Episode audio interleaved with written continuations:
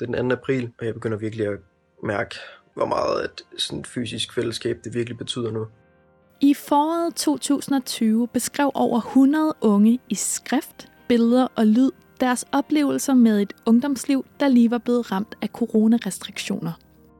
Jeg hedder Nana Schmidt Nordeskov, og i den her podcastserie taler jeg med en række af de unge for at høre, hvordan de har det i dag, januar 2021.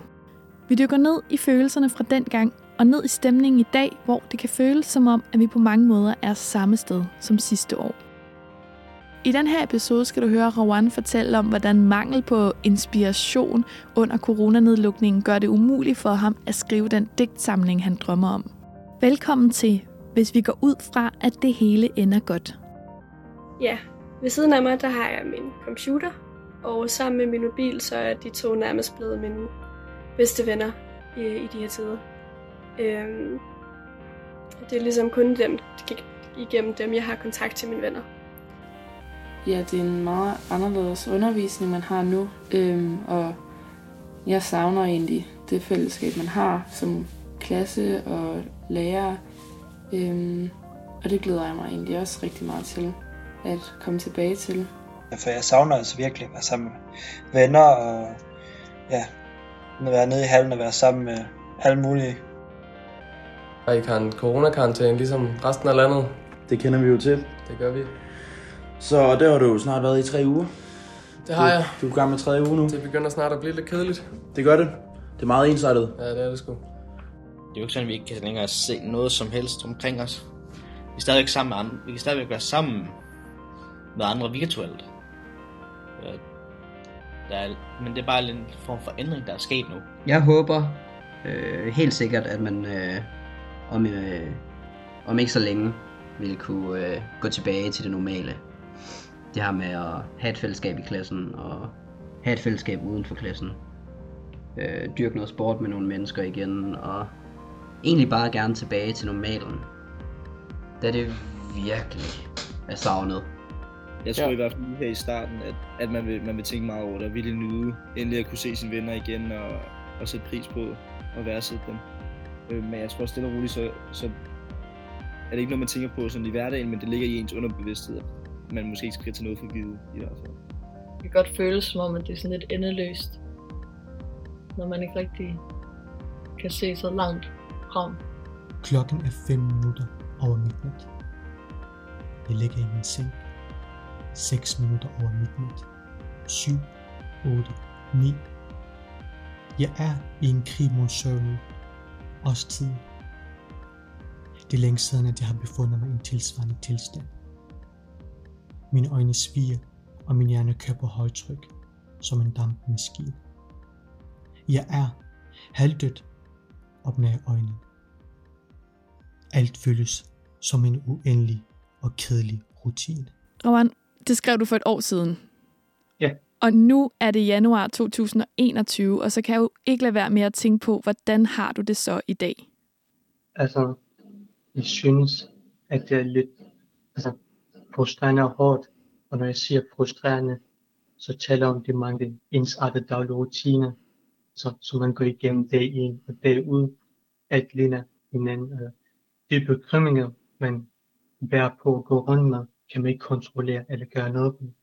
Så eksempelvis, jeg befinder mig mellem de samme fire vægge, altså hele tiden, alle ugens dage, og jeg synes, at det reducerede sociale kontakt har også en rolle i, måske, i hvordan jeg har det.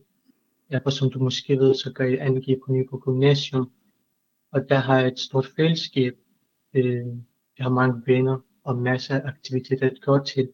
Mm. Men nedlukningen vender alt på hovedet, og det er lidt svært at finde en fokus i hverdagen. Og så alt er det samme. Man, man forventer sig, hvad der er dagen efter. Mulighederne er begrænset. Livet føles som et slow motion, eller en video, der er sat på stop. Men jeg synes, at i dag har jeg mere kontrol. Jeg ved ikke rigtig, hvad det skyldes. Måske er det erfaringen og oplevelserne præcis, som har lært mig bedre at håndtere hverdagen. Men på grund af det, jeg har oplevet præcis, så kan jeg eksempelvis forvente måde, hvad det kommer til at ske, og hvordan tingene vil foregå. Jeg forventer eksempelvis, at vi skulle sidde bag skærmen fra 8.15 til 15.10, at være afskåret fra vores fællesskaber. Der er en ting, jeg ved, som øh, nedlukningen særligt forhindrer dig i at gøre. Og nu tænker jeg på, at, øh, at du gerne vil skrive en digtsamling. Ja, det er rigtigt. Og som du lige sagde, så havde jeg altså en drøm om at skrive en digtsamling. Men det er svært i denne nedlukning, fordi altså, det er generelt svært at balancere det med altså, mm. skole og altså, ens personlige liv. Men prøv lige at sætte nogle flere ord, på, hvorfor det er, at du ikke kan skrive, når der er nedlukning. Så grunden til, at jeg ikke skriver, eller det er svært, er nok inspiration, hvor man er, altså, man er indspærret i, nærmest i sit værelse. Det, det er svært at finde inspiration, for når man ikke møder andre mennesker, så er inspiration svært at finde. Man skal på en måde ud til verden med forskellige mennesker for at skrive noget. Det tænker jeg i hvert fald. Mm. Rowan, nu skal vi høre et klip, hvor du læser et uddrag fra den beretning, du skrev tilbage i april 2020. Jeg vågner med hovedet liggende mod væggen og tager min første skridt mod badeværelset der jeg vasker ansigtet og ser vandet dryppe af skæg, som regndråberne udenfor. Jeg har en tid, tænker jeg, og skynder mig mod skrivebord. Jeg åbner computeren og gør mig klar til den første dosis af virtuelle møder, dokumenter og pdf. Forleden snakkede min lille søster med sin veninde, som er vores nabo, på WhatsApp. Jeg så, hvordan begge stod i vindueskammen og vinkede til hinanden fra hver deres værelse, med telefonen klamrende til ørerne. Inderst inde savner jeg tiderne før coronakrisen, og jeg følte mig som en fange i mit eget værelse. Jeg kunne snakke med mine venner på skolen, smile til fremmede mennesker og skabe variation i min hverdag. I disse to uger har jeg været som alle andre, uden for mine normale fællesskaber. Det kan godt være, at vi har virtuel undervisning, men det er ikke noget, der kan sammenlignes med det fællesskab, som vi har i klasseværelset. For det er ikke som før, hvor jeg blev mødt af mine venners latter fra mundstunden, eller de mange high fives. Og uanset hvilke restriktioner og uanset hvilke nedlukninger vi indfører, så står og falder alt det her med, hvordan vi hver især påtager os opgaven. Vi har nu levet med coronaen i rigtig lang tid, med restriktioner, afstand til hinanden. Situationen i forhold til smittetal, indlæggelser og dødsfald er nu mere alvorlig, end den var i foråret. Den røde kurve, som mange kan huske, den kan blive til virkelighed i den kommende tid, i de kommende uger og måneder, hvis ikke vi slår smitten effektivt ned nu. Med andre ord, vi skal have vendt udviklingen igen. Vores øh, sundhedsvæsen, særligt vores sygehusvæsen, har nu været spidsbelastet i faktisk snart over to måneder. Og det var også anderledes end i foråret, hvor vi meget hurtigt fik knækket kurverne, og der meget hurtigt faldt ro på. Men vi har været spidsbelastet i lang tid i sygehusvæsenet. Det begynder at knække nu, og det går det langsomt, men det skal nok komme. Så har vi samtidig også holdt sundhedsvæsenet åbent her over de sidste par måneder. Og derfor er der bare blevet knoklet rigtig, rigtig hårdt, og vores personale har svært ved at klare mere. Her er en besked fra myndighederne til borgerne om covid-19. Smittetallet i Danmark vokser. Derfor er det vigtigt, at du husker myndighedernes råd og retningslinjer. Vi har holdt afstand. Vi har vasket hænder. Vi har været gode til at hoste og nyse ind i vores ærmer, som man jo skal. Vi har begrænset fysisk kontakt. Vi har været ekstra opmærksomme på rengøringen. Fortsæt med det, for det her er ikke over nu. Desværre. Rowan, hvad er det normalt, du skriver om? Så normalt skriver jeg altid om unge mennesker, der prøver at finde løsninger på det udfordringer, de møder. Men under den her nedlukning, der begyndte, altså hvis jeg finder til at skrive, så skriver jeg mest om mennesker, der krydser grænserne mellem, hvad der er så virkeligt, og hvad der ikke er. Jeg begyndte med at skrive i genren uh, magical realism, altså magical realisme, som er en, altså en genre, hvor det magiske er indblandet med det realistiske. Ja. Jeg ved ikke rigtigt, altså, hvorfor jeg, altså, jeg skriver det, det er nærmest noget, altså jeg gør ubevidst, man tænker det med, at man er altid hjemme, øh, er indspærret, det nok har altså, en betydning eller en påvirkning på min skrivestil, eller den måde, jeg skriver på. For når man er så indenfor, så tænker man at komme udenfor. altså en form for frihed. Så det med, at jeg skriver om mennesker, der lever både i det magiske eller det realistiske, det er nok spil sammen med det tilstand, jeg befinder mig i. Hvis man ikke oplever noget, så kan man ikke skrive, for det er det med poesi, så det er noget, der handler om følelser.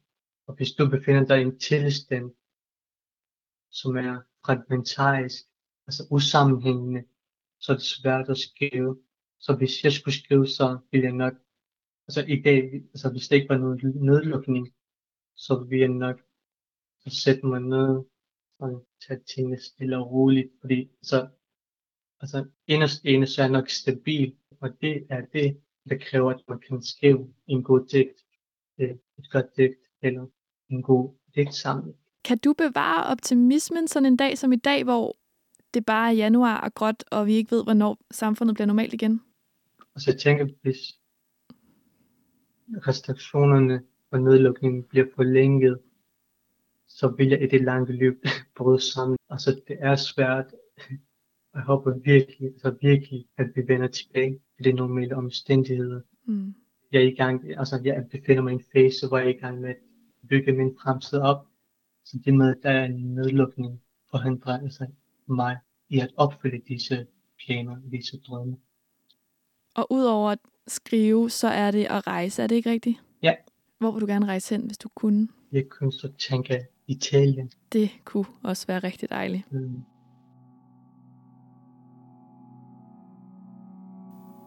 Nu kan jeg godt mærke, at jeg lettere bliver vred. Det er det, nedlukningen her i januar 2021 gør ved mig. Forleden går jeg en tur, den samme tur, som jeg har gået utallige gange det seneste år. Pludselig går det op for mig, at der ikke er nogen som helst grund til at gå der. Altså, jeg kan gå og gå og gå rundt i fældeparken, men det kommer ikke til at gøre nogen forskel. Når jeg ikke kan gå mere, så kommer jeg hjem til den samme lejlighed. Jeg kommer til at være underlagt de samme restriktioner, den samme monotone hverdag. Jeg kan ikke gå ud af den her krise, går det op for mig, mens jeg står nede i fældeparken i solskinsvær. Og hvis jeg ikke kan gå mig ud af det her, hvorfor er det så overhovedet, jeg går her? Pludselig virker det bare så meningsløst at fylde sin hverdag ud med alt muligt, så man glemmer, at der er nedlukning. Hvis det